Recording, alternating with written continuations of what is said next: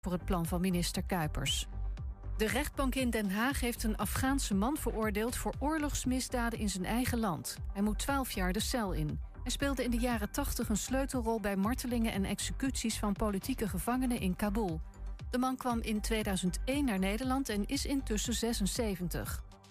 De oorlog in Oekraïne veroorzaakt een economische klap in vrijwel de hele wereld. Bijna alles is namelijk duurder geworden, zoals voedsel en energie. En in Afrikaanse landen dreigt hongersnood. In 143 van de 196 landen merken mensen er op een of andere manier iets van, zegt het Internationaal Monetair Fonds. Kiev komt langzamerhand weer tot leven sinds de Russen de regio hebben verlaten. Dat zegt de broer van de burgemeester tegen de BBC. De situatie is nog wel zorgelijk, omdat er niet genoeg eten en drinken naartoe kan. Ook zegt hij dat de Russen nog altijd raketten op de hoofdstad kunnen afvuren. En dan het weer. Er is een mix van zon en stapelwolken. Vannacht koelt het af tot een graad of drie. En morgen zijn er eerst wolken, maar later zon bij maximaal 17 graden. En tot zover het ANP-nieuws. Is jouw auto toe aan een onderhoudsbeurt of een APK-keuring? Maak dan nu een afspraak bij Gebroeders van der Mei in Enschede. Of het nou gaat om APK-keuringen, reparaties, bandenopslag of totaalonderhoud. Gebroeders van der Mei leveren vakmanschap, passie en echte service. Je vindt ons aan de Lonnekerbrugstraat 80 in Enschede. Thema beveiliging staat voor betrokkenheid, adequate optreden en betrouwbaarheid. Waar de concurrent stopt, gaat Thema Beveiliging net een stap verder. Thema Beveiliging levert alle vormen van beveiliging voor zowel de zakelijke als de particuliere markt. Thema Beveiliging, de beveiligingsorganisatie van het Oosten. Telefoon 053 4800 560 of stuur uw e-mail naar info@themabeveiliging.nl. Ook ik rij op autobanden van Gebroeders van der Mei. Vind ons aan de Lonnekerbrugstraat 80 in Enschede.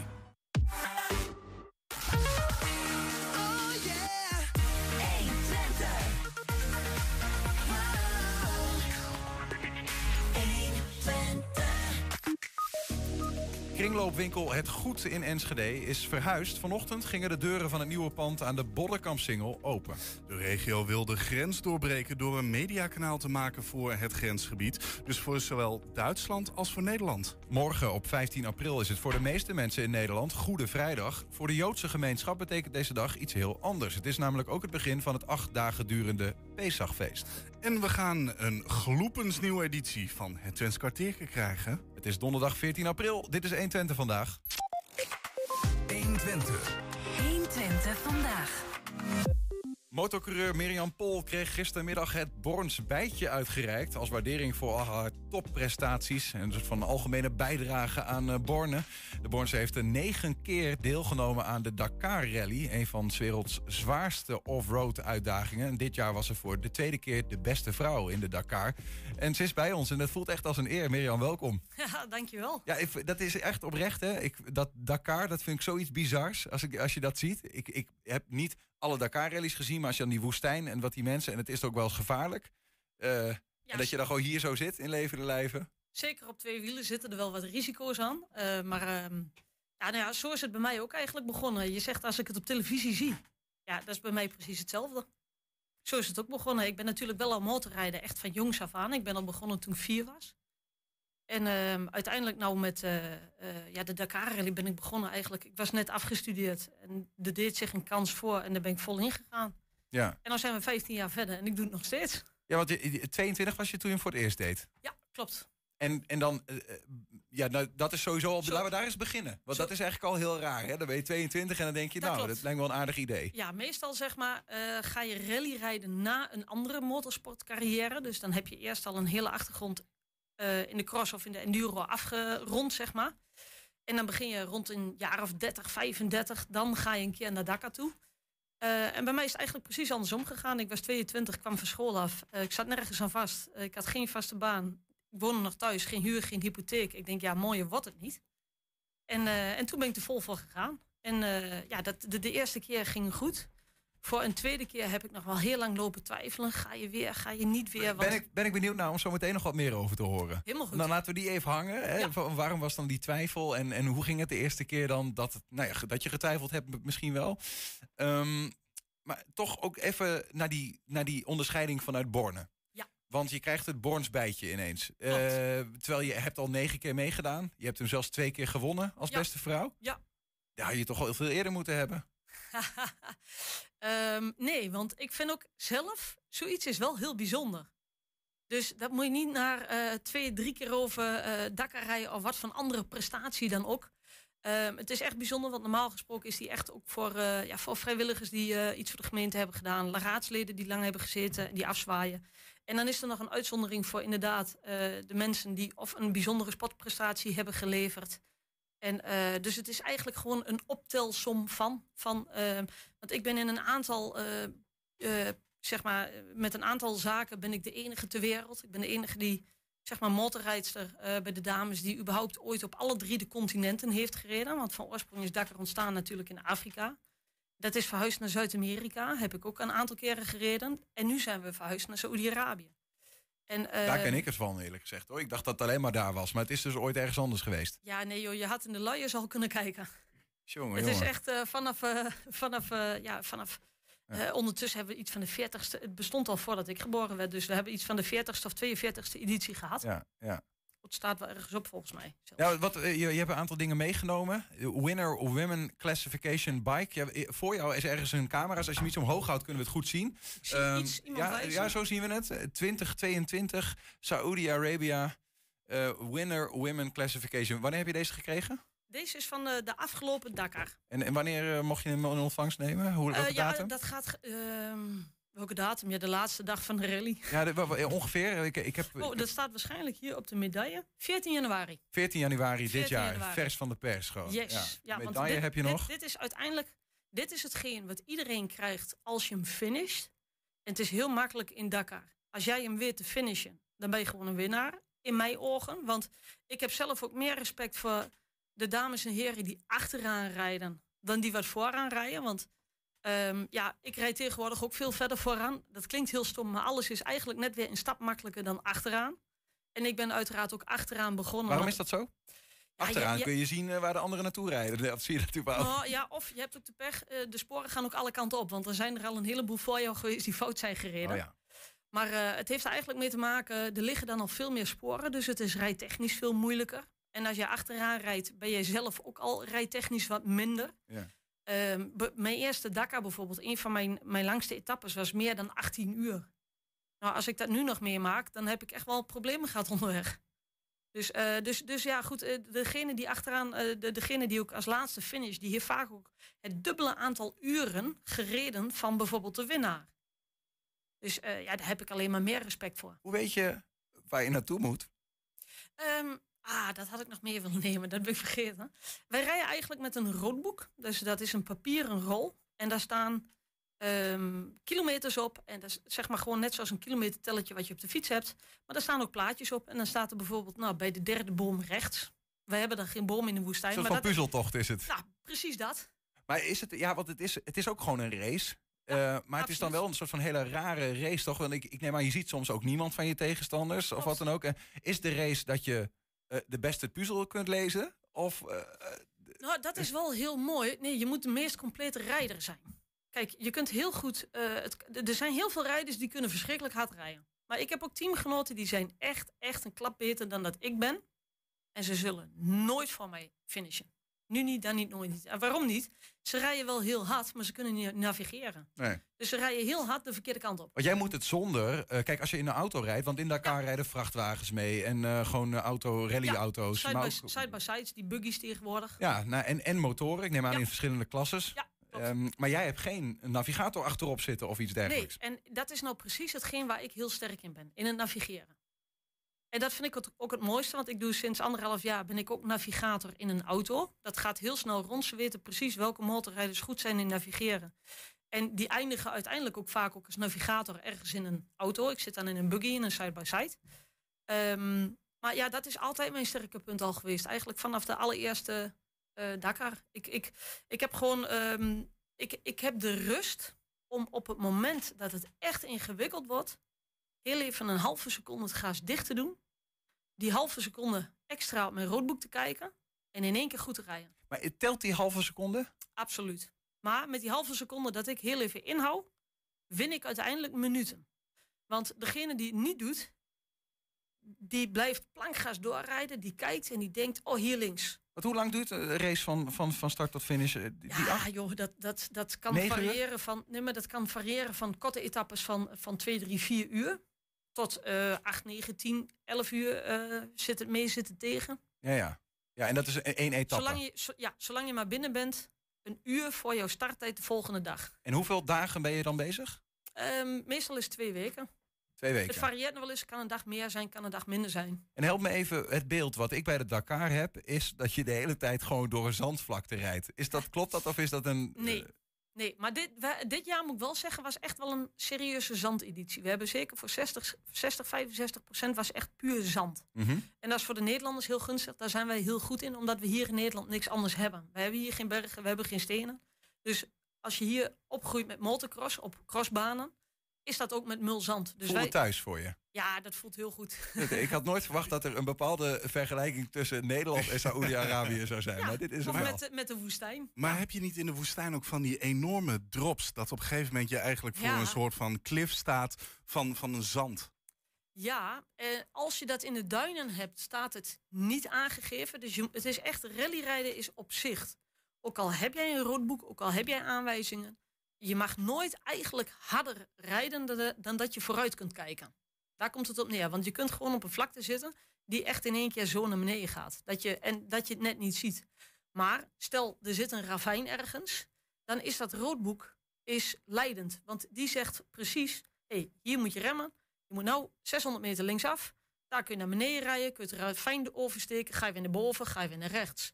Kijk, wij rijden niet, bijvoorbeeld niet, wij rijden niet met GPS. We hebben er wel een. Maar dat is meer een black box. Die slaat op, Ja. eh, zeg maar, of Nee, je mag hem niet geweest. gebruiken om... eh, Eh, dat kan ook niet. dat hij, kan is, niet. hij is zo geprogrammeerd dat we daar eigenlijk helemaal niks mee kunnen. Maar een GPS, als die aan zou staan, ja, die geeft gewoon heel dom het pijltje rechtdoor aan. Maar niet dat daar een ravijn tussen zit. hey Mirjam, je zei net van eh, eh, 22. Toen begon je, je eerste. Wanneer was je tweede?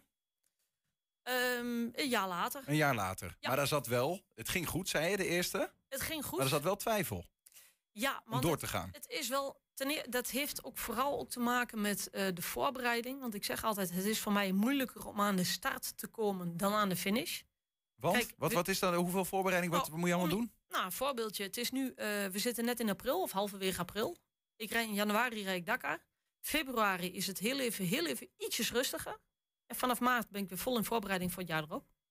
En dat heeft natuurlijk ook te maken, het is een kostbaar iets, dus ik ben afhankelijk van sponsoren. Ja, het zeggen, wat, hoe doe je dat dan? Ja. Ja, ik heb eh, zeg maar ook een contentkalender voor, eh, voor het hele jaar. Je moet wel zorgen dat je A in beeld blijft. Maar ik heb natuurlijk ook mijn wedstrijden voor te, bereiden, te bereiden. Niet alleen de technische kant. Ik heb nu een andere motor en ik ben al heel lang bezig om daar precies de juiste onderdelen voor te krijgen. Doe je dan ook andere wedstrijden tussendoor voordat je Dakar gaat rijden? Ja, ja absoluut. Ja. Ja. En de, eh, ja, goed, dan de vraag bijvoorbeeld, hoeveel wedstrijden rijden? Ja, dat is afhankelijk van hoeveel budget ik dat jaar binnenhaal. Ik kan niet een heel WK rijden. Nee. Ehm, maar ik kan wel heel tactisch wedstrijden uitzoeken... dat ik aan het eind van het jaar wel mee kan doen voor de titel. Uiteindelijk ben je, eh, dus heb je besloten om een tweede keer mee te doen op je 23ste? Ja. Eh, dat waren er zelfs op een gegeven moment negen eh, tot, Ja. tot aan dit jaar toe. Ik wou zeggen, en toen ging het ook mis. Oh ja? Want ja, ik wist tijdens mijn tweede rally eigenlijk al van ja, ik ga volgend jaar weer. De eerste keer heb ik echt heel veel afgezien. Ik, ik was, eh, nee, ik wil niet zeggen hekken sluiten, maar ik was toen ook een van de rijders die het dubbele aantal uren heeft gereden van eh, de winnaar. Ik had nog nooit een rally gereden, ik had nog nooit genavigeerd, ik had nog nooit op zo'n zware motor gereden. Ik, ik had me gewoon ingeschreven en ik denk, ja joh, ik ga naar Dakar. Ja, wat wil je nog Je meer? bent gewoon gek eigenlijk. Nou ja, Toch? Ik bedoel, echt gemiddeld mensen zeggen, ja, als ik dat zo hoor, Zo ik heb nog nooit zus en zo, maar ik doe het gewoon. of heel gepassioneerd. Ja, nee, dat is zo. Ja, ja, zat ook wel in de familie, hè? Ja, ja, ja, ja ik, het is bij ons. eh, eh, ik heb ook een oudere broer die rijdt ook. Die rijdt eigenlijk ook nog weer een stuk beter dan dat ik kan rijden. Eh, maar mijn vader reed ook. En ehm, ja, zo is het eigenlijk begonnen. Dus ik, ik heb ook heel veel andere sporten gedaan. En ik ben officieel gezien, ik ben afgestudeerd als gymlerares. Ja. Ja. Ja, maar ik heb er verder nooit wat meer gedaan. Ik ben hierin gerold en ik ben een hele andere kant op gegaan. In de toekomst, ja, ik weet niet hoe oud kun je worden als Dakar. Ja, je kunt heel jong worden, maar ik, nou, zo bedoel ik het niet. eh, maar Nee, maar jij zegt het heel goed, want ik zeg altijd... ja, de houdbaarheidsdatum van een motorrijden is gewoon beperkt. Zo simpel is het. Eh, dat kan of op een gegeven moment kun je het fysiek niet meer aan... of je maakt een keer iets mee waardoor je gewoon een stap minder moet gaan doen. Op dat niveau. Ehm, dus ehm, ja, goed, eh, ik, eh, ik zie wel wat, er, eh, wat ik in de toekomst ga doen. Kijk, ik heb altijd een diploma achter de hand. Maar ik heb niet echt de intentie om daar wat mee te gaan doen. en je hebt een goede helm, hè? Ik wil als... Zullen we die nog even opliften, even, even zien? Even wat jou beschermt als het een keer... Gaat het wel eens mis in de race, dat je, dat je hem nodig hebt, de helm? Ja, tuurlijk. Ja, joh, ik, eh, ben jij nooit van de fiets gevallen? Of, Ja, eh, ik, ja jij wel, maar Ja, eh, de- laatste mij. jaren minder. Maar ik rij ook niet door een woestijn met mijn fiets, bijvoorbeeld. Nee, maar dat is wel leuk. Ik rijd bijvoorbeeld niet op straat met de motor. Want dat vind ik dan weer levensgevaarlijk. Dus, maar mijn helm, dat is wel heel leuk. Want je kunt hier een beetje... ehm het Dakar-logo staat erop. Maar hier zit een soort van roodboek doorheen geprint.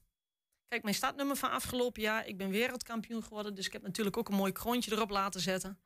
En eh, hier staat mijn hele Dakar-geschiedenis. En ook afgevinkt of niet. Welke heb ik wel gehaald en niet. Dus hier heb ik... eh, dit zijn alle Dakars die ik gereden heb.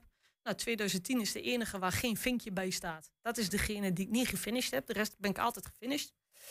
En, ehm, Waarom finish je niet? eh, gecrashed. En ik, Zodanig gecrashed dat je niet verder kon. ik wou zeggen, ik crash wel vaker, maar dat was toen wel klaar, zeg Ja, maar. ja, ja. Dus, ehm, en uiteindelijk, ehm, maar 2018 ben ik ook gevallen. Heb ik op dag 4 mijn onderarm gebroken. En de rally duurde toen ook 14 dagen, maar die heb ik wel weten te finishen, uiteindelijk. Mhm. Maar toen uiteraard ook, ehm, ja, dan, dan krijg je die lange dagen. En dan kom je weer achteraan te rijden. En dan rij ik echt tussen mensen dat ik denk van... Ja, oké, ik rij hier omdat ik een arm gebroken heb. en- En omdat ik op dit moment niet meer harder kan. Maar dan, dan kijk je om je heen en dan zie je de eentje omvallen en de ander vastrijden. En de volgende. En dan denk je, ja jongens, dit, is, dit vinden jullie toch niet leuk. ja, ja. Dus ehm, Hé, Mirjam, we moeten al af gaan sluiten. De tijd vliegt, want ik vind het prachtige verhalen. Ik weet niet, we hebben ook nog beelden. Hebben we die al laten zien überhaupt? Hebben we nog Eh, niet laten anders zien. laten we die nog gauw even zien. eh, Van, van wat beelden van Want je kan heel, heel even er doorheen. Wat, waar was dit ongeveer? Even kort. eh, ja, dit is in Saudi-Arabië van afgelopen jaar. Dit is een van de laatste etappes. volgens mij de ene laatste etappe. En eh, ja, dit is ergens in het midden. Nou, dit zijn dus echt de, de, de- ja, de mooie eh, duinen. En ehm, daar hebben wij dus ook aanwijzingen. Ik, ik noemde net als voorbeeld met dat roodboek van ja, de derde boom eh, rechts. Eh, maar daar krijgen wij gewoon een, een kapstand. Dus eh, rij 5 kilometer in kap 134. Nou, en dan hou je dat zo aan. En dan pak je een waypoint en dan krijg je weer een volgende aanwijzing. En dan win je Dus- hem. En ja, goed, dit keer wel. Ja. Hey, eh, we begonnen met te zeggen, je hebt voor jouw deelnames en winsten en het op, op de kaart zetten van Borne. Ik vraag me even af, zit het ook, staat het ook op je, op je trui als je aan het rijden bent? Nee, Borne? nee, nee, nee. Maar heb je in ieder geval een Borns bijtje gekregen? Ja, ik heb hem hier eh, zelfs bij me. Dat is hem. Als je hem ook nog Ja, even, ook- dan hebben we die ook nog ik maar gezien. weet niet of ja, dat te zien is, Ja, maar met een hele mooie, ook echt eh, een mooie oorkonde erbij. Een oorkonde, dit is, dit de is de oorkonde. Ja, door de burgemeester zelf overhandigd. Eh, eh, En je zei al van, nou, ik had hem eerder niet verwacht in ieder geval. Eh, wa- was je nog verrast? Ja, ik was zeker verrast. Heb ik nog een laatste tot slot gewetensvraag? Wat vind je liever? Wat krijg je liever? Een Dakar-winst of een Borns bijtje? Ik hoef niet te kiezen, ik heb ze allebei al. Mirjam Pol, dankjewel voor je komst. En ga, je, ga- wordt, wordt er nog een tiende gereden door jou? Jazeker, ik ben al druk in de voorbereiding. Ik Ga je ben, ik, ben, ik ben er nog lang niet klaar mee. Leuk. Succes ermee. Dankjewel. Zometeen morgen op 15 april is het voor de meeste mensen in Nederland Goede Vrijdag. Maar voor de Joodse gemeenschap betekent deze dag iets heel anders. Het is namelijk ook het begin van de acht dagen durige Pesachfeest. En we zijn ook als podcast te luisteren via alle bekende platforms. Je vindt daar de hele uitzendingen en elke dag één item uitgelicht. 120. 120 vandaag. Ja, kringloopwinkel Het Goed in Enschede is verhuisd. Vanochtend gingen de deuren van het nieuwe pand aan de Boddenkamp-singel open. En dat bleef niet onopgemerkt. Nog voor de opening van 10 uur stonden er al veel belangstellenden te wachten.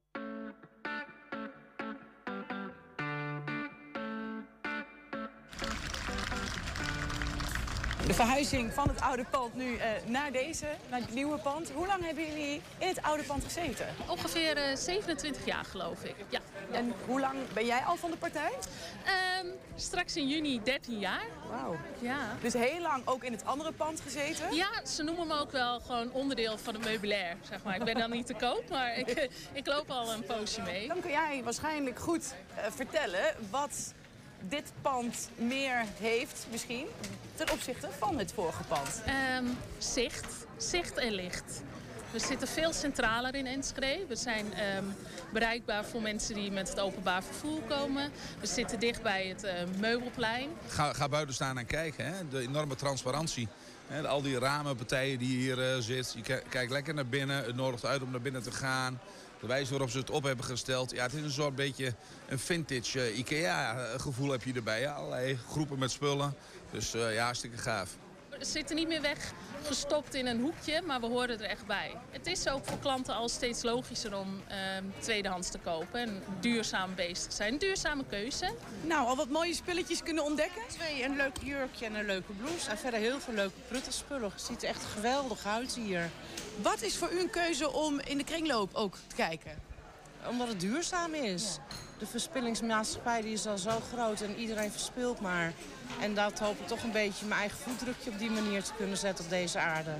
Ja, dan noem jij al even iets duurzaamheid. Een thema wat ja, in mijn beleving in ieder geval ja, in in aandacht lijkt toe te nemen. Mensen mm -hmm. lijken zich daar meer bewust van op een, een of andere manier. Is ja. dat ook zo? Want dus ik zei al, dat is mijn ja. beleving. Maar merken jullie dat bij de ja, ja, ja, echt. Ja, wat voor mij altijd al vanzelfsprekend was. En dat was 13 jaar geleden toen ik bij het goed kwam werken. Maar dan wilden mensen bijvoorbeeld niet met een het goed tasje naar buiten lopen. Want oh, dan weten ze dat het van de kringloop komt. En daar was een soort taboe op of schaamte. En nu is het juist hip en leuk. En um, we hebben hele leuke tassen ook te koop waar gewoon het goed op staat. En mensen willen het graag kopen. Ze zijn er trots op dat ze uh, tweedehands kopen. En uh, die trend, dat vind ik echt... Uh, ja, dat, dat zie je echt heel erg. Dan hoorde ik jou net zeggen tegen de bedrijfsleider hier van... Nou, kom nog een keer terug met de vrouw. Ja, nee, natuurlijk gaan we dat, gaan we dat doen. En eens kijken of we wat mooie spullen nog kunnen scoren. Ja. Ik denk ook wel dat de huidige generatie dat ook wel helpt, zeg maar. Het is gewoon, we moeten ook ontzettend uh, zuinig zijn op de spullen die we hebben op de aarde. En dan, um, je ziet het ook op TikTok, Instagram, alles. Uh, thrift shopping, het is gewoon hip en leuk. En vooral ook de revival van de 90s, leuke kleding. En dan kun je misschien nog leuke oude schatten bij ons vinden... in plaats van dat je dat in de stad vindt.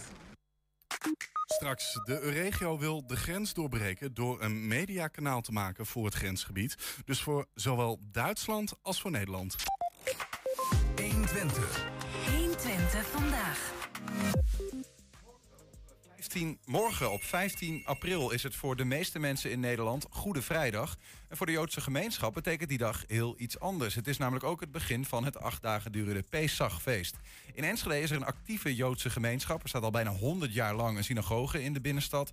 Daarnaast is er nog een reden waarom eh, deze stad een belangrijke rol speelt tijdens het feest. Daarover zometeen meer. In de studio is Hilde Achterbos, is vrijwilliger van de stichting Vrienden van de Synagoge Enschede. En kan ons uh, veel meer vertellen over Pesach. Hilde, welkom. Ja, dankjewel. Je bent lid van de Joods-Twentse gemeente? De Joodse gemeente Twente. Joodse gemeente Twente. Ja.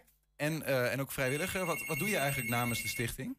Namens de stichting ontvang ik bezoekers, leid ze rond. Ik doe ook uh, schoolrondleidingen.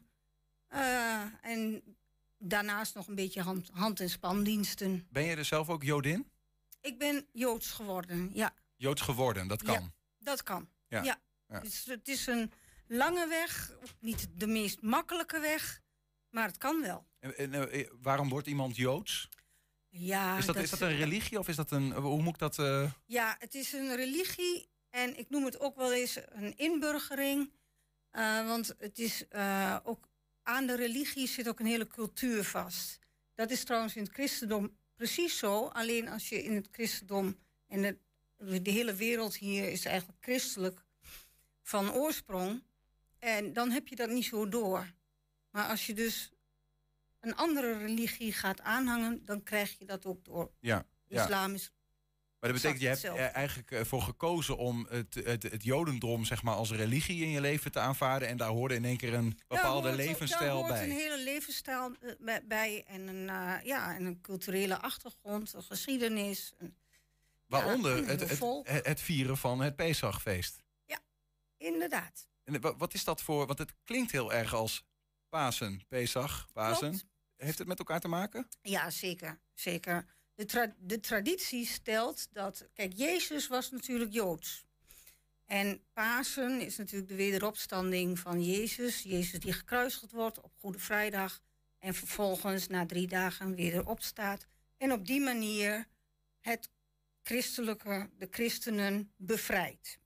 Dat is zeg maar het eh, idee van de zonden. Hè? De mens wordt bevrijd van de zonden. Dat is wat de christenen ja, vieren. Dat is met... wat de christenen vieren. Maar eh, de traditie zegt dat Jezus werd ehm, eh, verraden zeg maar, bij het laatste avondmaal. Maar op vandaag zou dat dan geweest zijn, Witte Donderdag. Ehm, en dan werd hij ver- verraden tijdens het laatste avondmaal. En dat laatste avondmaal, dat zou de Pesachmaaltijd zijn geweest. Hij vierde daar samen met zijn twaalf discipelen de Pesachmaaltijd. Ja, precies. Oké. Dat is wat de traditie zegt. Of dat werkelijk zo is, weten we niet. En wat vierden maar zij dan precies? uit dat dat waar is. Wat, wat vierden zij dan precies met die Pesachmaaltijd? Want ja, toen was Wij Pasen, was er vieren- nog niet. Ja, wij vieren dan de uittocht uit Egypte en de bevrijding uit de slavernij. Ik weet niet of je het verhaal kent. De, de Joden waren al 400 jaar in Egypte. Komt op een gegeven moment een farao die het niet zo goed voor heeft met de Joodse bevolking. En die laat ze heel hard werken en die, die zorgt eigenlijk dat, het, dat ze slaven worden. Mhm. En dan komt Mozes. En Mozes die krijgt de opdracht van God om het Joodse volk uit Egypte te leiden. En zo, wordt dat, de, eh, eh, nou, ja, te bevrijden En mensen van de bevrijden van de slavernij. van, het, Ja. van, het, van de onderdrukking van de Egyptenaren. Ja, maar daar gaat natuurlijk die farao niet direct mee eh, akkoord, hè? Die gaat allerlei... Ja, die gaat de hele tijd zeggen van... Ja, nee, is goed joh, je, gaan jullie maar eerst naar de woestijn... en, en even God aanbidden. En, en dat is allemaal goed. Nee, dat is toch dan niet goed. En, dan, en zo komen er dan eerst tien plagen... Die, die stuurt God, dat zijn die tien plagen om de farao te overtuigen van... eh Precies. hupsakee, Ja, laten gaan de ja, boel. Ja, ja, precies. En vervolgens gaan die Joden uit Egypte weg onder leiding van, eh, van Mozes. Onder leiding van Mozes. En dan worden ze direct achterna gezeten door het Egyptische leger, zeg maar, de farao. En dan komen ze op een gegeven moment bij de zee, Mhm. de Rietzee, wordt ook wel eens de Rode Zee genoemd, maar dat, dat schijnt een vertaalfout te zijn. Dus de Rietzee, en dan eh, zorgt God ervoor dat de wateren splijten en dat het Joodse volk door kan trekken. En nadat iedereen aan de overkant is, Klapt de zee dicht. klapt de zee dicht. En inmiddels is dat Egyptische leger ook al in die, en die krijgt dus dat water allemaal weer over zich heen. Ja. Vergelijk het met een tsunami. En die sterven allemaal. En die sterven.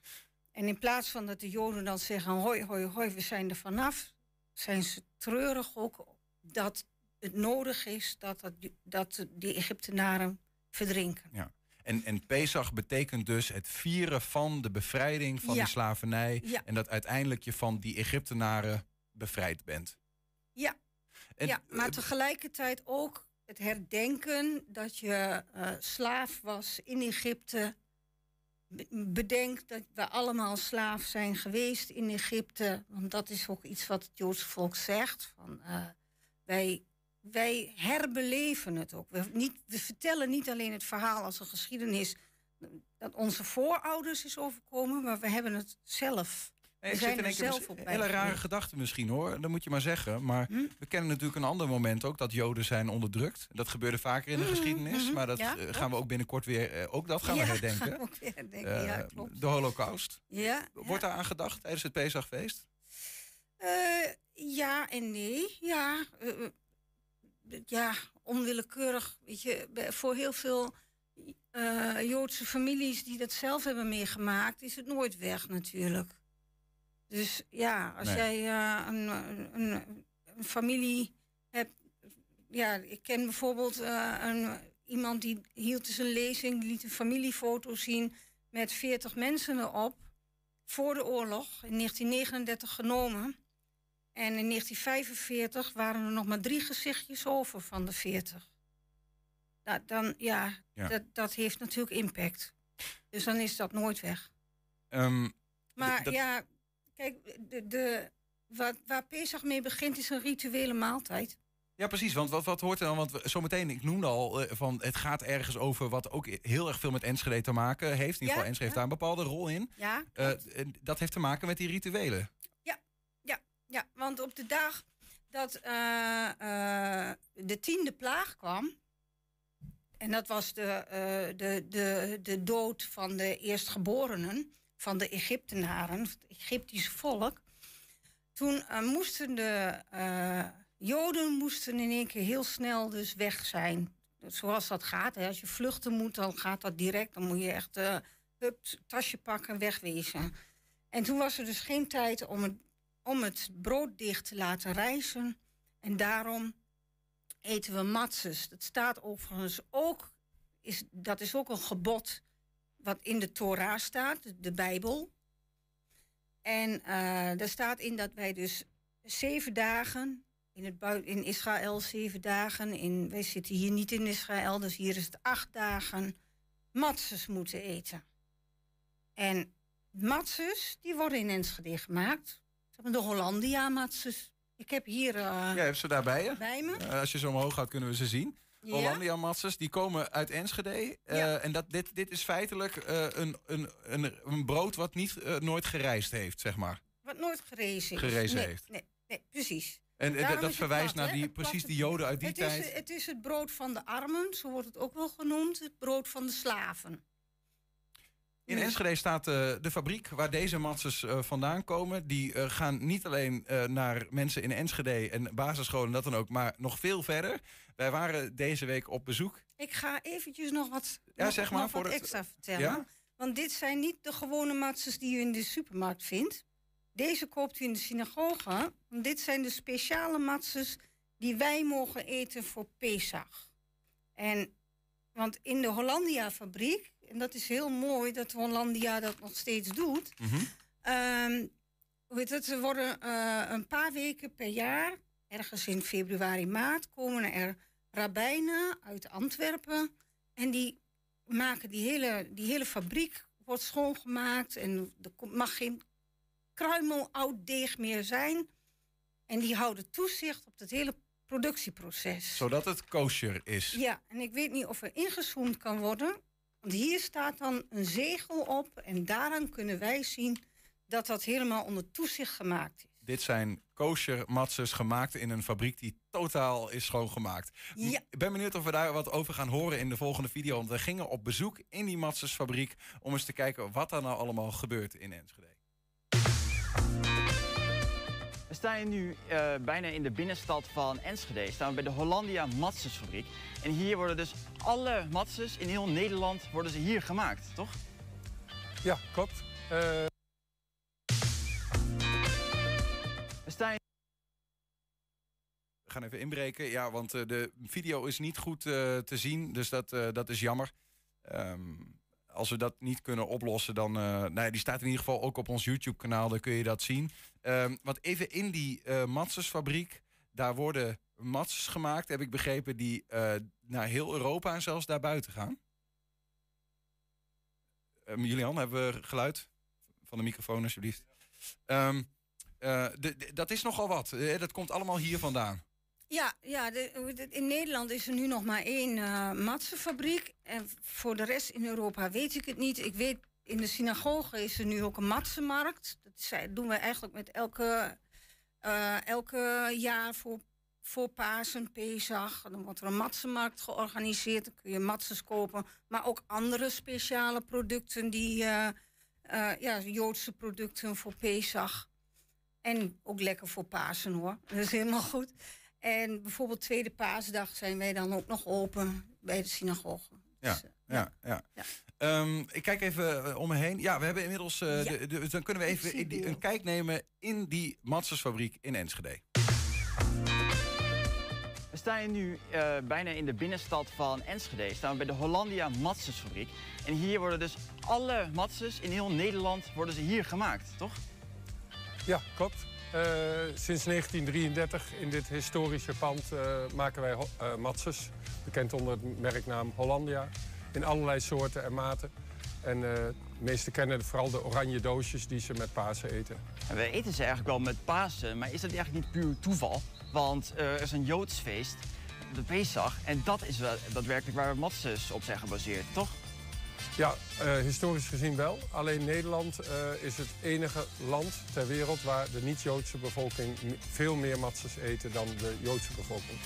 Wij richten ons. Uh, kijk, de Joodse gemeenschap in Nederland is heel klein.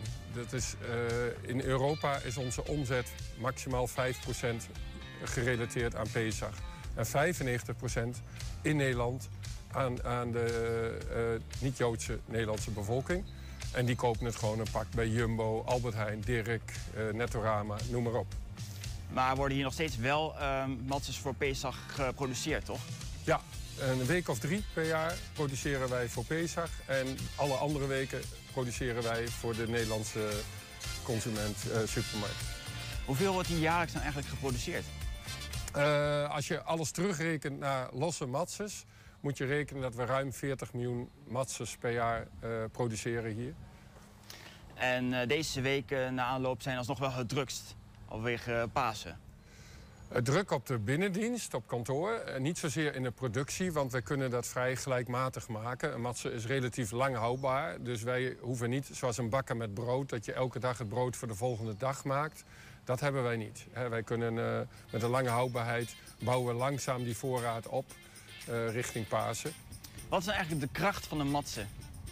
Uh, ik denk, nou, dat, is, ja, dat zou ik aan de consumenten moeten vragen. Maar wat ik altijd terugkrijg, uh, verschillende dingen. Pasen, traditie. Hun moeder kocht het, hun oma kocht het. Het hoort bij het feest. Mensen krijgen gelijk een associatie met boter en, en bruine suiker. andere kant, de rest van het jaar verkopen we ook best veel matses. En dat zijn toch mensen die een keer een ander crackertje willen. Of die heel erg met hun gezondheid bezig zijn. En de techniek bij Hollandia, is daar een hele moeilijke uh, techniek voor om het matsen te produceren?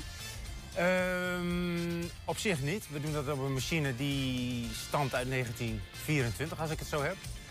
Dus het maken van de matses, dat gebeurt op een oude machine. Maar het hele impactgedeelte, dat gebeurt met moderne machines. En dat is wel een stuk lastiger. Dan is er over de jaren zeker heel weinig veranderd aan het recept van een matse. Daar is uh, uh, niets aan veranderd. Helemaal niets? Helemaal niets. Nee, water en bloem. En de productie gaat het altijd goed? Nee, je zit uh, um, zeg maar rond oktober. Dan heb je de nieuwe oogst. En dat wil wel problemen geven. Dat je de, de, de ehm, hoeveelheid water moet aanpassen, temperatuur moet aanpassen. het is een natuurproduct, dus dat gaat altijd een beetje in de weer. Ja, toch bijzonder. Ik, ik, blijf het bijzonder vinden. Een relatief kleine fabriek. En ik vraag me af, al die, uh, hoeveel waren het? 40 miljoen of zo in ieder geval. Heel veel matzes komen er vandaan. Uh, hier uit Enschede. Uh, Hilde Achterbos nog steeds even bij ons in de studio. we praten over Pesach. Hoe, hoe, hoe, uitbundig wordt dat feest tot slot dan gevierd de komende dagen bij jullie in huis? het is een echt familiefeest. Echt gezinnen komen met bij elkaar. Soms grotere families soms hele uh, gro ja, grote gemeenschappen. Uh, en wat wel bijzonder is, dat er ook een bijzondere rol is weggelegd voor kinderen. Want de hele maaltijd uh, verloopt volgens een bepaald ritueel. En op een bepaald moment mag het jongste kind aan tafel mag de vraag stellen: waarom is deze avond anders dan alle andere avonden? En dat is zeg maar het startpunt voor het hele verhaal over de uittocht van Egypte, waar we het net over gehad hebben. Ja. En, en dan vieren jullie die, dan eten jullie die maaltijd die Jezus met zijn discipelen ook at. Uh, voor, nou, of het dezelfde maaltijd is, weet ik niet. Maar in ieder geval dat, dat laatste avondmaal, zeg maar. Ja, uh, ja, uh, ja met ja. allerlei gangen, ja, met symbolen allerlei, erin. Ja, alle, precies. Allerlei symbolen zitten verwerkt in die maaltijd. Er wordt ondertussen gezongen, er wordt verteld, er worden vragen gesteld, er wordt gediscussieerd. Uh, het duurt ook heel lang, hè? We beginnen om uh, nu kwart over zeven, zeg maar, half acht ongeveer. En nou, als je om 12 uur klaar bent, dan mag je blij zijn. En als toetje? Matsen. En dat, die wordt eerst, wordt die aan het begin van de maaltijd, wordt, die, wordt een stukje van, uh, wordt doormidden gebroken, wordt verstopt. En dan mogen de kinderen mogen hem opzoeken. Of andersom, sommige gezinnen hebben ook andere tradities. Dan, wordt, dan mag, mogen kinderen het uh, verstoppen. En dan moet Kijk. papa het opzoeken, zeg maar. Zo lijkt het ook weer een beetje Dus op dat is Pasen, ook- maar dat zal onbewust Ja, zijn. precies. Ehm, Nou, dat of misschien niet eens, weet ik niet. weet Ah, niet. toch interessant, Nee, hè? ja. Interessant om Ja. van je te horen. Hilde Achterbos, dank voor je, voor je uitleg over dat Pesachfeest. En eh, een mooi inkijkje ook in het nou ja, gebruik van de matsen tijdens eh, dat feest. Dankjewel. Nou, en als jullie nog matzes willen kopen, dan zijn jullie tweede paasdag dus welkom bij de synagoge. Tussen Staat 11 en genoteerd. 5. Heerlijk spul. Lekker. Ja. Zometeen een gloednieuwe editie van het Twents kwartierken. 120. 120 vandaag. Voor onze stad is het beter om zich op Duitsland te richten dan op de Randstad. Dat was een stelling die voorkwam in de vragenvuren die wij als 120 gaven aan de politiek in Enschede. Daar kwam vaak het, kwam vaak het antwoord ja op. Ook de regio die wil nu de grens doorbreken om een eh, mediakanaal te maken voor het grensgebied. Dus voor zowel Duitsland als Nederland. Vorige week was er een productieve middag hier in het Balengebouw om van die illusie realiteit te maken.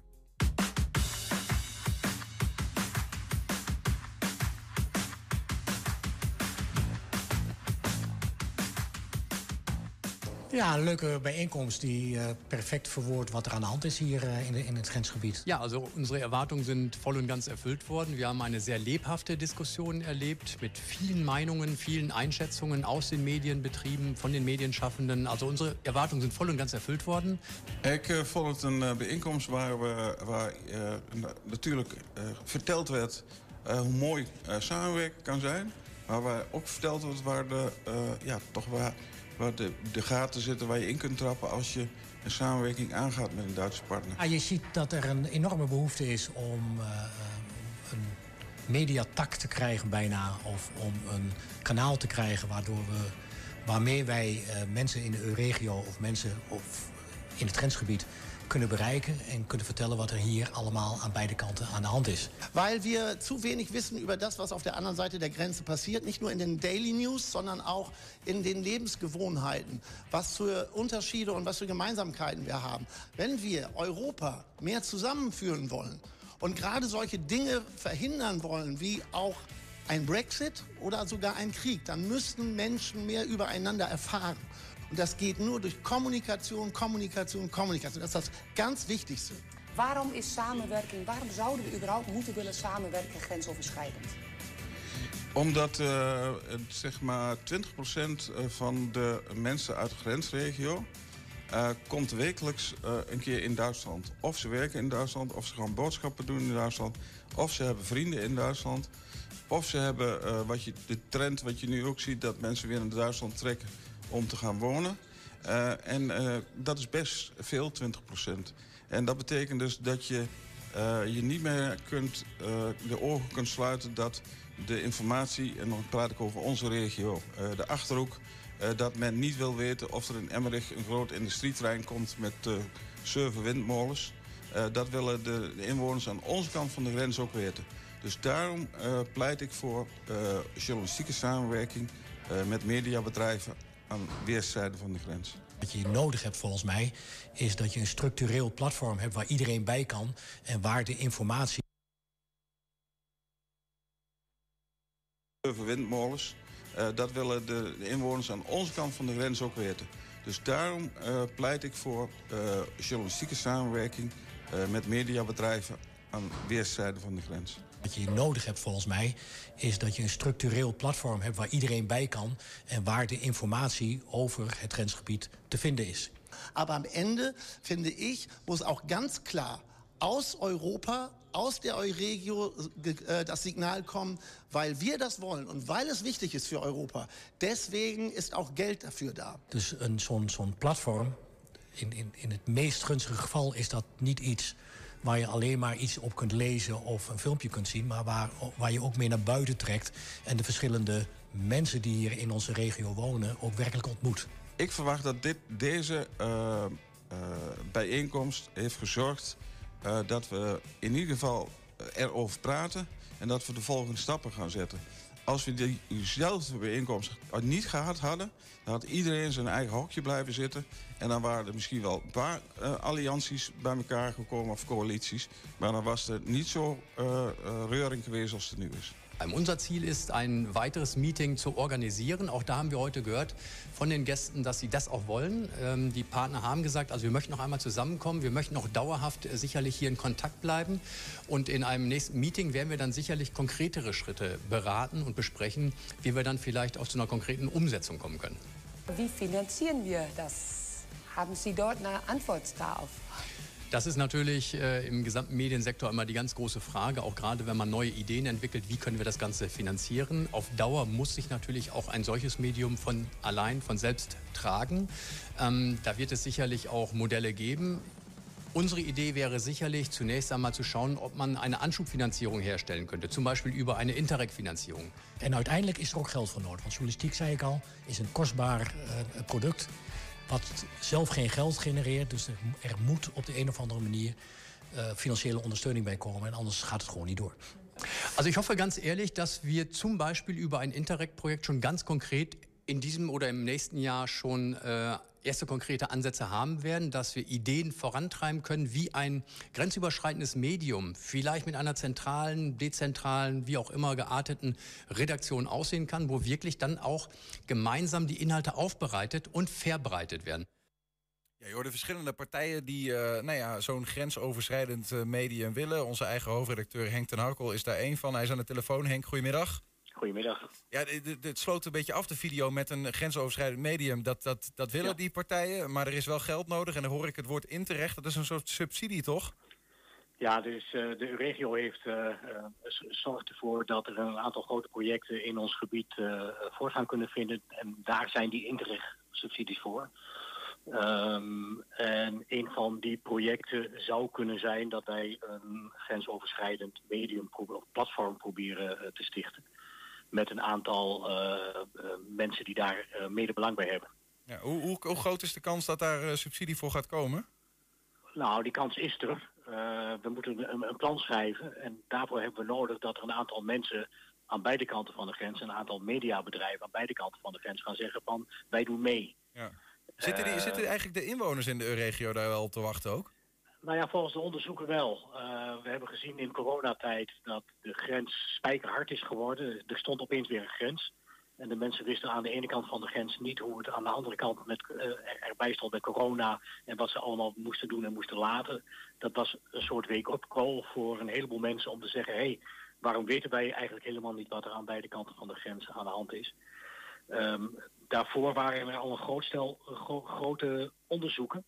Maar het blijkt dat er mensen best heel veel belang bij hebben om te weten te komen wat er uh, in een regio of grensoverschrijdend aan de hand is. Buiten het feit dat je uh, uh, benzineprijzen en, en, en de boodschappen daar goedkoper zijn dan in Nederland.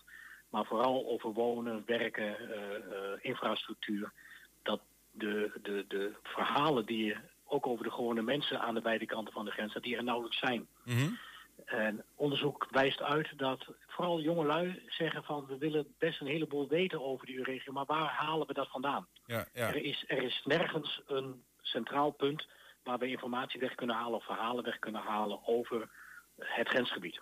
Nou zei ik Henk in de, in de, in de aankondiging van de video van, van dit gesprek... Uh, ook de regio uh, wil dat. Um, want ja, dat is een, een, ja, een onderdeel die wat wil lijmen, geloof ik. Maar er zijn verschillende mediapartijen, waaronder 120. Wie nog meer die mee willen doen?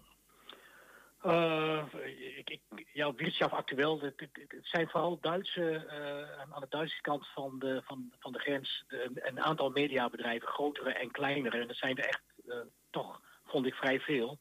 En in Nederland, uit Nederland waren er met name in Twente en TV Oost die, die aansloten. En wij hebben al gezegd, in Twente heeft al gezegd, van, nou, als dat ervan komt, dan willen we meedoen. Want we zien het als een taak om ook grensoverschrijdend te werken. Ja. Om ook de verhalen daar weg te halen. Op welke termijn, Henk, uh, als het, uh, de subsidie van Interrecht, de Europese subsidies en zo, als die er zouden komen, en, en er is zijn middelen, op welke termijn kunnen we zo'n mediakanaal zien ontstaan? nou, dat in, die intersubsidie moet dit jaar, eh, ik dacht na de vakantie, eh, klaar zijn en ingeleverd worden. En als eh, daar een jaarwoord op komt, dan hopen we dat we volgend jaar al eh, op kleine schaal kunnen aanpakken. We gaan het meemaken. Henk ten Ja. Harkel, dankjewel. Goed, hey, tot kijk. Jo.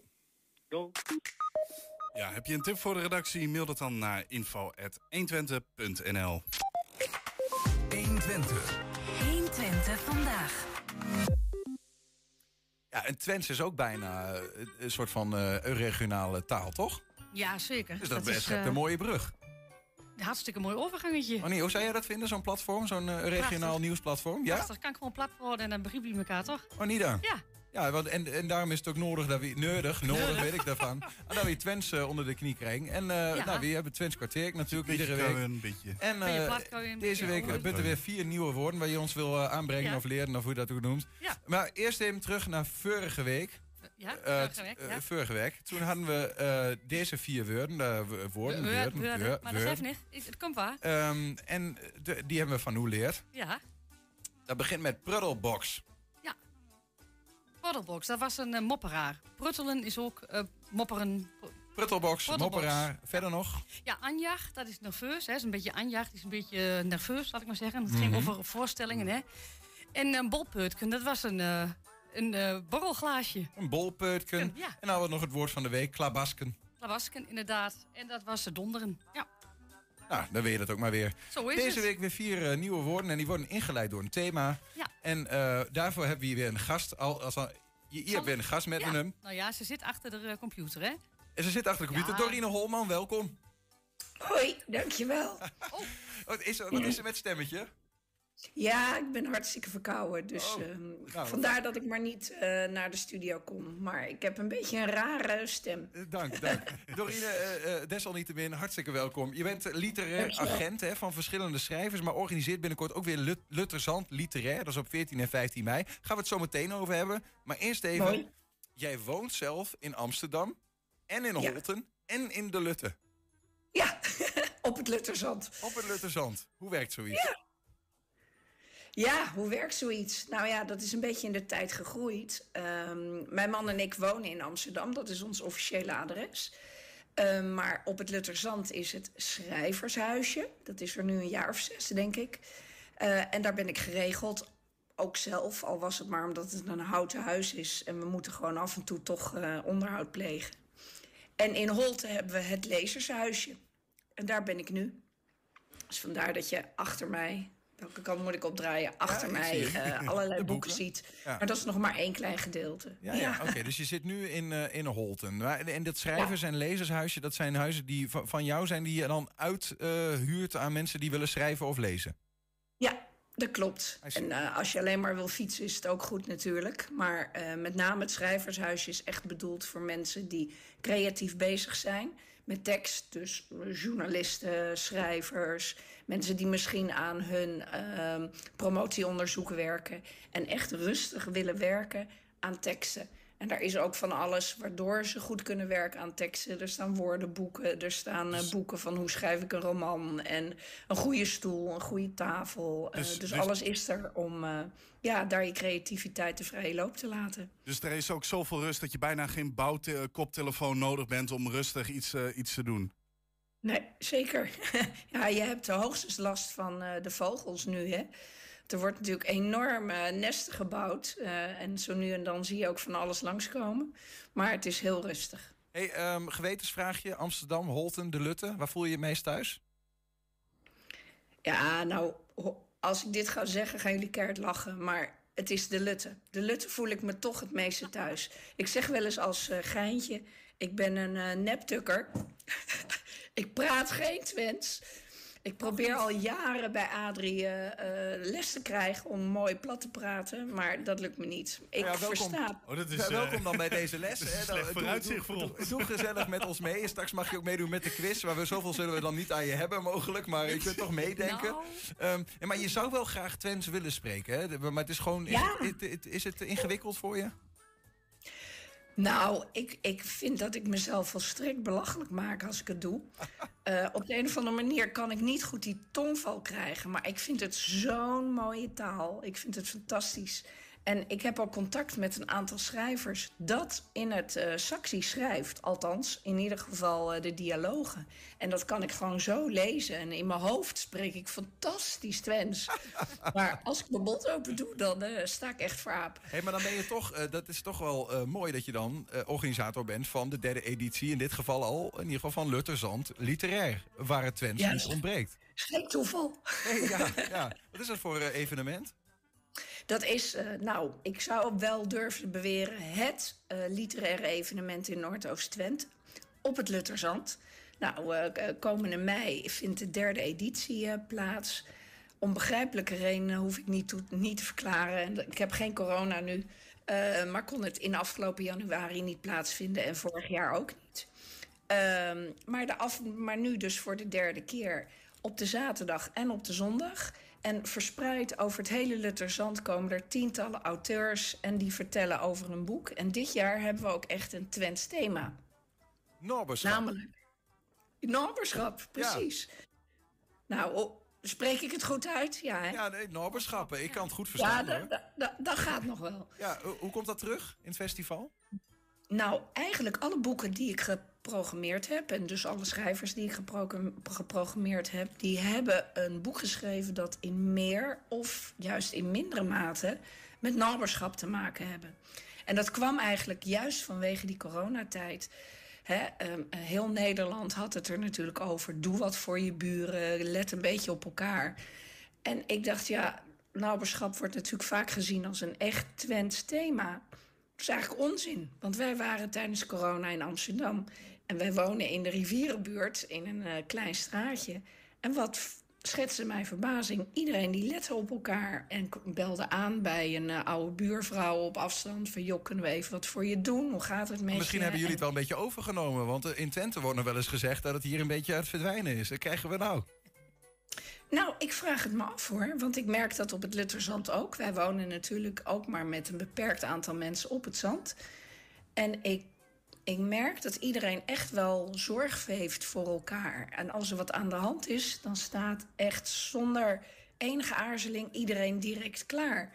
En dat is natuurlijk heel fijn als het in, in negatieve gevallen is of in, hè, als er problemen zijn. Maar het is natuurlijk ook hartstikke leuk als er leuke dingen zijn die je met elkaar viert. Hey Dorine, ehm, eh, we, gaan je eh, helpen, proberen te helpen om als je nou eh, als je in de Lutte bent, bijvoorbeeld bij Lutterzand Literair, en aangesproken wordt in Twents, dat je het ook kunt verstaan. Doe je met ons mee in, het, in, in de quiz van Adrie, waarbij ze ons woorden leert? Ja, nee, eh, ik sta vooraan. Kom maar op. Mooi, dan gaan we, gaan we, gaan we beginnen. Eh Adrie, Ja. Want die zit natuurlijk nog steeds bij ons. Ehm, we, we hebben de quiz. Ja, dat hebben we. Moet ik de Bigon staan? Ja, dat mag. Oh, Eh, ik volgens, mij kan Dorine het volgen, dat hoop ik, anders moet ze het meeluisteren. Ehm, Nou, vast eh, wel. eh, we beginnen gewoon bij, eh, bij nummer 1, hè, woord Ja. 1. Nou, ik, ik denk dat Doreen dat wel weet. Of weet. eh Gunstedt. Ja. Mag ik het zeggen? Nee. Oh nee, ja. oh, je weet het nu al. Nee, nee, nee. Het is, het is een ABC'tje, Dorine. Is het een stekje van een, van een plant? Hè? Je zit in het bos daar. Een groen, groen stekje. Mhm. Is het een plek bij de dinkel? Of is het C, is het een laan? Dus een, nou ja, een, een, soort aangelegde laan met een staart. Laat ik maar zeggen, in de vorm van een staart, een laan met bomen. Wat is dit? Ja. Ehm, ja, Dorine weet het zo. eh, eh, ik, maar ja, ik, ik heb geen idee. Maar kun je een tip geven, Dorine? Ja. Denk aan groen en denk aan water. Ja, dan zou ik toch bijna voor stekje gaan. Dan zou ik ook voor stekje gaan. Ja. Ehm, ehm, ik, ik denk dat dat nu niet meer goed is. ze laten ons er gewoon in, inluizen. Eh, maar goed, eh, we, we gaan gewoon voor stekje. We gaan mee met Dorine en we zien wel hoe betrouwbaar het is. Nee, ik zeg geen stekje. Vullen wij is het in antwoord? antwoord nummer A. Oei, oei, oei. Ja, daar was ik al Ja, voor. nee, het is de bekende plek bij de Dinkel. Bij de, bij de, eh, de rivier de Dinkel. De Gunstedt is, de, is een, ja, echt een iconisch beeld. Als je dat ziet, dan heb je het al, altijd gezien op een, een, een ansichtkaart of een... eh, Ik, namens Julian Vriend en mijzelf bieden wij aan al onze vrienden in Noordoost-Twente onze nederige excuses aan dat wij Grunstedt niet Ja. kennen. Wij zullen Nee. dit nooit meer doen. nee. maar het is echt mooi. Ga er een keer wandelen. Doreen weet er alles van. Maar, eh, Vergeven en vergeten, ja, woord 2 zeker. Nummer twee. Dat is eh commoties. Ja. Ja, wat zou dat zijn? Klinkt als een carnavalsvereniging. Nee, dat zijn de oelewappers. Nee, is dat A, dikdoenerij, van een beetje elitair? Weet je, dat hangt toch wel een beetje om literatuur heen. Is het B, is het roddel en achterklap? Of is het C, is het hersenschim? Weet je van, ja, hé, Bernlef, je weet niet, litera literaire... Ik zou niet eens weten, wat, wat, is een he- wat is een hersenschim? Ja, een hersenschim is denk ik iets, iets, iets van fantasie of iets van... Ja, ja. Ja. Oh. Het Ja, klinkt, als, het hersenschimmen. klinkt als het Zuid-Afrikaanse woord voor commotie. Eh, wat, wat dan Ja. in mijn hoofd een beetje betekent van eh, ge- ge- gedoe. Dus, ja, ik, ik, ik zit ook een beetje in die hoek. Gewoon commotie. Gewoon eh, oh, van roddels. eh, een beetje commotie krijg je ervan. Dorine, wat heb jij, eh, wat denk je? Nou, deze vind ik wat lastiger, want ik dacht eigenlijk aan eh, smokkelaars. Maar dat is dus kennelijk heel wat anders. Oeh, ik ga voor eh, C. Want literatuur is namelijk helemaal geen dikdoenerij. Literatuur is gewoon boeken. En er zijn zoveel boeken en dat, dat is leuk voor iedereen. Dus nee, Ja, ja, ik ga voor eh Jij gaat voor hersenschim. hersenschim. Commoties, hersenschim. Ja, commissies is dat, hè? Eh, dat zou Commissen, dan commissen. commissen. Dat is inderdaad ja, dat is, de, de grens en de douane. Ja. Ehm, maar ik ga voor, ik dacht- denk toch voor roddel. Ik weet het niet. Ik, ik ga voor antwoord nummer B. Ja, Ja, nummer ook? B, zo wow. Want wij, ja, wij, gaan, wij gaan, eh, we vullen in ieder geval antwoord B dan in roddel en achterklap. Dat betekent vol- volgens ons commissies, commoties, sorry. Maar Adrie- Commoties. Vertel het ons. Wij vullen in. Maar het is A. Het is dikdoenerij. Maar ik vind literaire eh, bezigheden en activiteiten totaal geen dikdoenerij. Maar je hoort heel vaak omtrent literaire het een beetje elitair is. Een beetje elitair is. Maar dat is helemaal niet waar. Dus ehm, daarom heb ik op... Nee, Ja, ja, je de probeert je eruit te ja, redden, nee, maar nee, ondertussen hebben jullie nu gewoon ruzie natuurlijk, nee, Dorine. wel, nee, ik kun je krijg gewoon een- bij gaan leggen Nee, de nee, nee, nee, ik krijg geen ruzie met Doreen. Echt niet, absoluut niet. Ik ben wel blij, Dorine, dat we het allemaal fout hadden. We, we hebben Ja, nog ja, één... Gevoel van samen zijn. Woord drie. Ja. Ja. Te volste kom. Mhm. Nou, wat zou dat zijn? Is dat, eh, ik zeg natuurlijk niks. Ja. Is dat hulp bieden?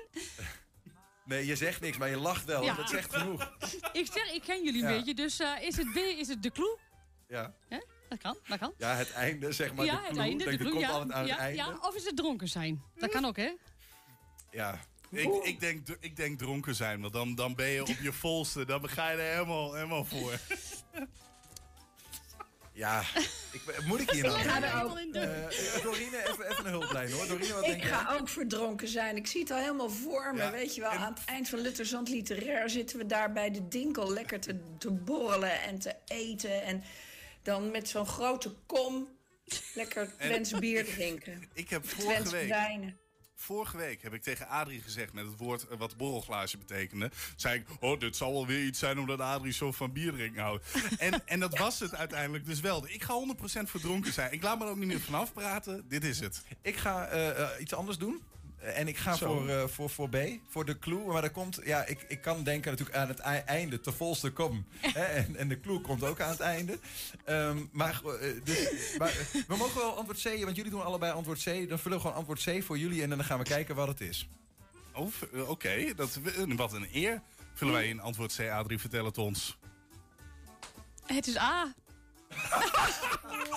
het ging om naberschap. En dat is hulp bieden. Ja. En dit betekent denk ik gewoon vol, met, met volle overtuiging bij iemand aankomen om te helpen. Ja, jullie denken het allemaal veel te moeilijk. Of te makkelijk, Ja. dat kan ook zo zijn. Als je het uitlegt. te, eh, Te volste kom, maar ik snap hem even niet, niet helemaal. Hoe bedoel je dan? Eh, je, je, je komt eh, met een vol glas... eh, nou, nee, ik, denk- ik denk in volle overtuiging. Of dat je, in je met, met heel je ziel en heel je hart bij iemand komt om, om, hulp te helpen. bieden. om help te bieden. Ja, Jij zit vol en iemand anders heeft iets nodig. Ja. Maar dat vind ik toch ook een beetje bij die clue, bij het einde. Ja, bij het, dat is wel eh, waar. Dat maar- is wel waar. Maar ik, ik denk, kijk, naberschap gaat natuurlijk om hulp aanbieden zonder Ja. dat de vraag gesteld is. En dat is namelijk. De clue volste kom. Dat is, ja. Een Norber komt te volste. Ja. Dan weten we dat ook weer. We hebben nog één woord te gaan. Het woord van de week. En Jessie ging daarmee de straat op. Zoals elke week een nieuw Twents woord van de week. Deze week rabat. De drie keuzes A van streek zijn, B in de aanbieding of C snel praten. Ja, ik zou zeggen B, want eh, dat is in Duits is het ook eh, aanbieding rabaat, dus ik denk B. B, oké, Ja. dan gaan we voor B. Ja, helemaal goed. B doe ik. Ja, zeker. Aanbieding. Aanbieding. Je was heel Ja. snel, waarom? Geen idee. Een gokje eigenlijk. Eh, van streek zijn. En waarom denk je dat? Weet ik niet, daar vind ik het er best bij passen. Het Twentse woord rabat betekent dat A van streek zijn, B in de aanbieding of C snel praten. Ja, ik ken rabat van het Duits. en dat betekent korting. maar in de aanbieding. B? Ja, B. Ik ga voor B. Korting. In de aanbieding dus. In de aanbieding, ja. Oké. U weet dat heel zeker? Ja. A, B of C? Oh, waar, waar het van staat, rabat? Ja, ja. Oh, goede vraag, goede vraag. Ik weet dat het in Marokko ligt. Nee, dit is het Twents woord. Het Twentse woord. Rabat. Wat denk je dat het betekent? In de aanbieding. Waarom denk je dat? Dus eh hij geluid uit het Duits, denk ik. Oké. Ja? Wat denk jij? Ja, ik weet het. Oh. Eh, ik denk snel praten. En waarom denk je dat? Gooi je gokken. Oké. Wat denk jij? Weet ik niet. Een gokje. Ja, C, snel praten. Ik heb geen idee. Snel praten. Oké, B en C voor de win. Ja. Eh C, snel praten. Snel praten. Ik ook C. Ja, ook C? Ja, C. Allemaal C? Ja. Eh, rabat. Is dat überhaupt een woord? Ja, Twent. Eh, rabat. Eh, van streek zijn na aanbieding of snel praten. Eh, ik, C. C, van snel praten. Ja. Ehm, ik denk A. Van streek zijn. Rabat, dat was hem weer. Van streek zijn in de aanbieding of snel praten. De meeste kozen dit keer voor in de aanbieding. Wat denken jullie jongens? Ja, dit vind ik wel, dit is, dit is wel een addertje, dit ding. Echt? Ik, ik, heb het, ik heb het gezien. Ik, ik hoorde dat, ze- dat ze weggingen. Ik zei, oh, woord van de week. Oh, eh, kom even vertellen. Nou, eh, eh. Toen zei ik direct van, het is korting. Want het is het in het Duits. Maar ik heb ook eh Twentse vrienden. En die zeggen de hele tijd, oh, je skats van het rabat af. Dus dan zou het van streek zijn. zijn. Dus Ja. ik ga mijn vrienden achterna. En als dat niet zo is, dan moeten ze me wel trakteren. Dan ga ik voor A. Ja, maar ik denk dus, omdat je zegt je bent van het rabat. Hè, anders zou je zeggen je bent van het van streek zijn. En ik, daarom denk ik dat het inderdaad eh, eh, aanbieding is. En dat je zegt je bent van het rabat. Dat het dan iets betekent van oh je bent, helemaal, je bent zo in de war dat je goedkoop bent. Dat je in de aanbieding bent of zoiets. ja, dat denk ik. Sorry? Dus ik zou, voor, ik zou voor in de aanbieding gaan. Maar Dorine, de- wat, wat denk jij? Ja, ja, ik zou ook eh, de relatie leggen met korting in het Duits. Dus ik zou ook zeggen in de aanbieding rabat, ja, in, in Duits. Dus ik bedoel, hè, het, het Neder-Saxisch is tenslotte iets wat in de hele regio wordt gesproken. Dus Ja, ik heb trouwens, Ja, ik heb, mijn alleen- redenering was goed, alleen mijn, mijn antwoord is dus, ik bedoel eigenlijk dat ik zeg, het betekent wat mij betreft, eh, zeg ik dat dan, je bent van het rabat, dan ben je eh, van, ik weet het niet meer, ik ben hem helemaal kwijt, mijn eigen Maakt ook eigen niet uit, want we vullen Ah, ik vond het wel mooi. In, Ja, in van, van streek zijn. Maar ja. Nou, wij vullen het in. Adrie, Do- verlos Dorine, ons. Dorine gaat voor, eh, voor, voor, de, voor in de aanbieding in ieder geval. En jullie dan voor van streek zijn. Ja.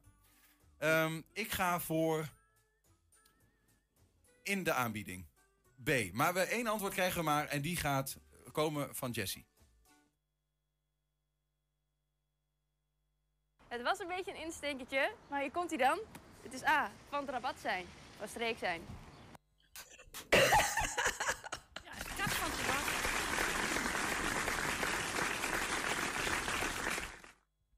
dat ik mijn vrienden een biertje moet trakteren nu. Ja. Kas op de rabat. Ja. Of de, ja, dat is echt wel een uitdrukking in Twents. Zo is kas Ja, maar hij, hij is, hij is van, het rabat. van, van Van of- rabat, of- maar dan is, die, dan rabat. is rabat is dus streek. Hij is van streek. Ja, de, de term betekent dat. Ja. Ja. Je moet ook wat van- vanmiddag. Van streek in de zin van, eh, van de leg. Ja, helemaal Hij het, is, de- eh, het padje, van het padje. Van het padje. Van het padje. Ja. Ehm, nou, dankjewel. We hebben, we- ik heb weer veel nieuwe dingen geleerd. Eh, Rabat is in Duits eh, aanbieding, maar in het uh, Twents gewoon van streek. Weten we dat ook weer. Dorine, dankjewel dat je meedeed vanuit eh, Holten.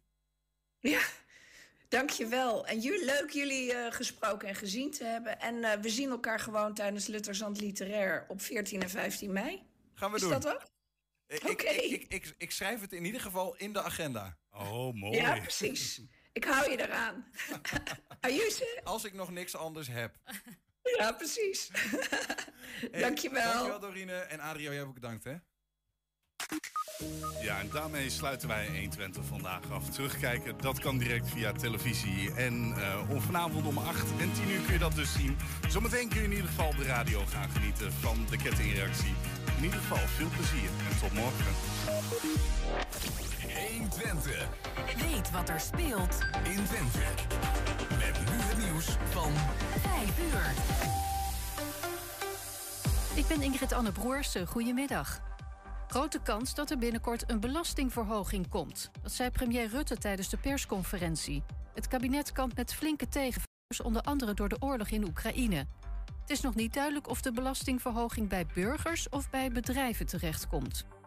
Het kabinet gaat tegelijkertijd investeren in projecten om de economie te laten groeien. Is een boost van ruim 5 miljard euro. Daarvoor zijn tot nu toe een kleine 30 projecten aangewezen. De grootste investering is een project dat voor meer waterstof gaat zorgen.